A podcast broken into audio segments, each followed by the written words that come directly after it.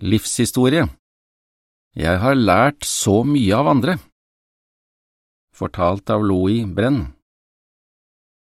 Jeg var en ung soldat i den franske hæren. Avdelingen min var stasjonert i fjellene i Algerie, og i det området hadde det vært harde kamper. En mørk natt sto jeg på vakt helt alene med et maskingevær i hendene bak en stabel av sandsekker. Plutselig hørte jeg fottrinn, og jeg ble livredd. Jeg hadde ikke lyst til å drepe noen eller å bli drept selv. Jeg ropte Gud, å Gud! Det skremmende øyeblikket forandret livet mitt, for det var da jeg begynte å tenke på Skaperen. Men før jeg sier noe mer om hva som skjedde den mørke natten, vil jeg gjerne fortelle om barndommen min og hva som påvirket tankegangen min og gjorde at jeg senere fikk lyst til å bli kjent med Gud. Hva jeg lærte av faren min Jeg ble født i 1937 i Guinang, en gruveby i Nord-Frankrike. Faren min jobbet i en kullgruve, og han lærte meg at det er viktig å arbeide hardt. Jeg ble også påvirket av hans sterke rettferdighetssans, som fikk ham til å prøve å gjøre noe for gruvearbeidere som hadde veldig dårlige arbeidsforhold. Han meldte seg inn i fagforeninger og deltok i streiker. Han var også opprørt over det hykleriet han så blant prestene i området. Mange av dem levde et ganske komfortabelt liv, men likevel ba de om mat og penger fra fattige gruvearbeidere.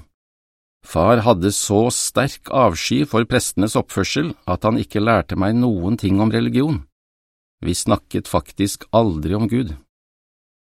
Etter hvert som jeg ble større, begynte jeg også å hate urettferdighet. Noe av det jeg reagerte på, var de fordommene mange hadde mot de utlendingene som bodde i Frankrike. Jeg spilte fotball med barn av innvandrere og likte å være sammen med dem. Dessuten var moren min polsk, ikke fransk. Jeg lengtet etter at alle skulle leve sammen i fred og bli behandlet likt. Jeg begynner å tenke over meningen med livet. Jeg ble innkalt til militærtjeneste i 1957. Det var det som var grunnen til at jeg havnet i den situasjonen jeg beskrev tidligere, den mørke natten i fjellene i Algerie. Etter at jeg ropte Gud og Gud og var redd for å bli angrepet av en fiendesoldat, oppdaget jeg at det bare var et villesel. For en lettelse!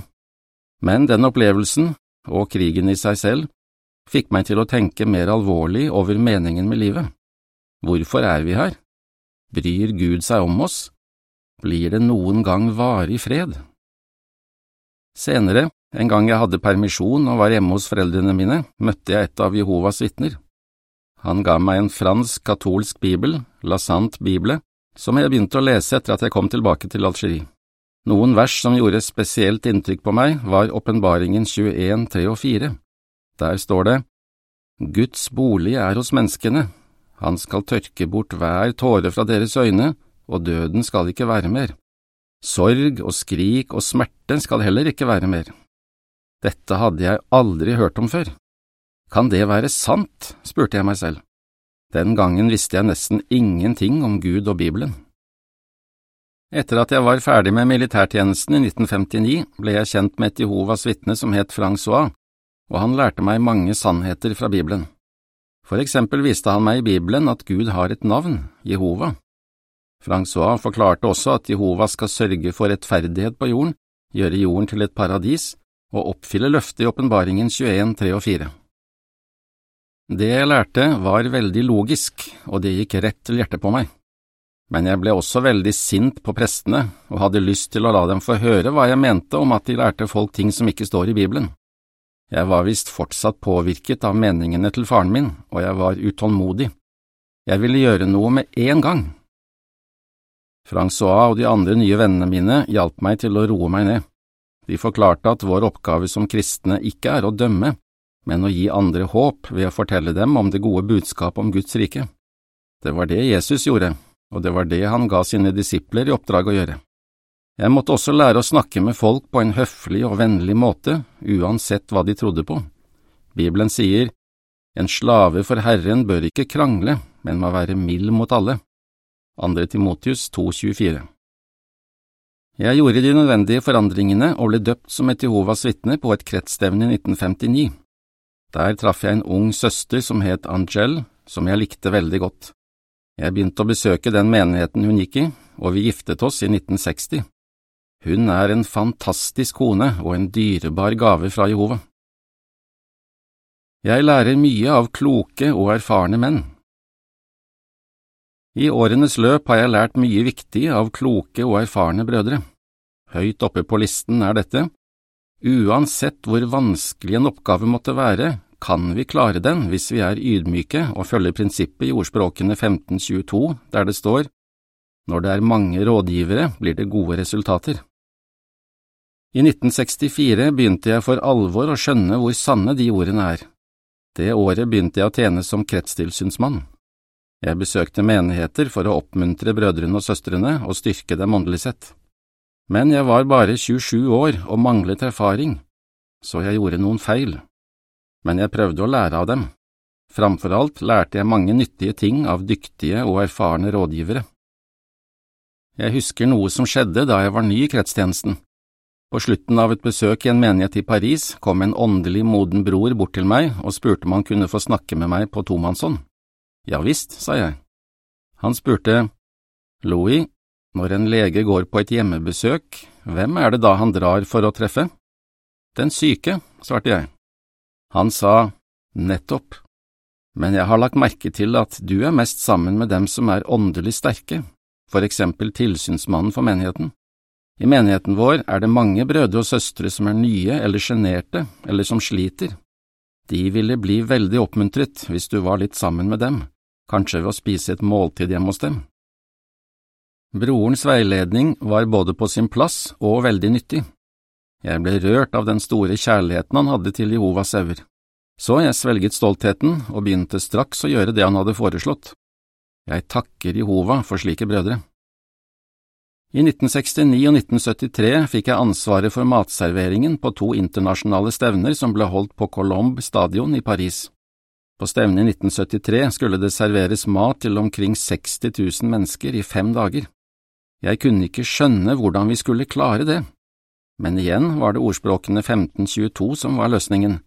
Jeg trengte rådgivere. Jeg rådførte meg med åndelig modne menn som hadde erfaring fra matbransjen. Noen av dem var slaktere, grønnsaksbønder, kokker og innkjøpere. Sammen klarte vi å gjennomføre en oppgave som hadde føltes så stor som et fjell.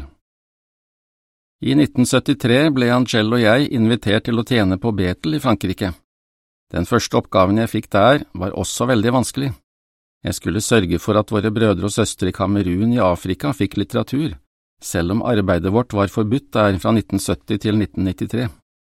Igjen hadde jeg fått en oppgave som jeg ikke skjønte hvordan jeg skulle klare.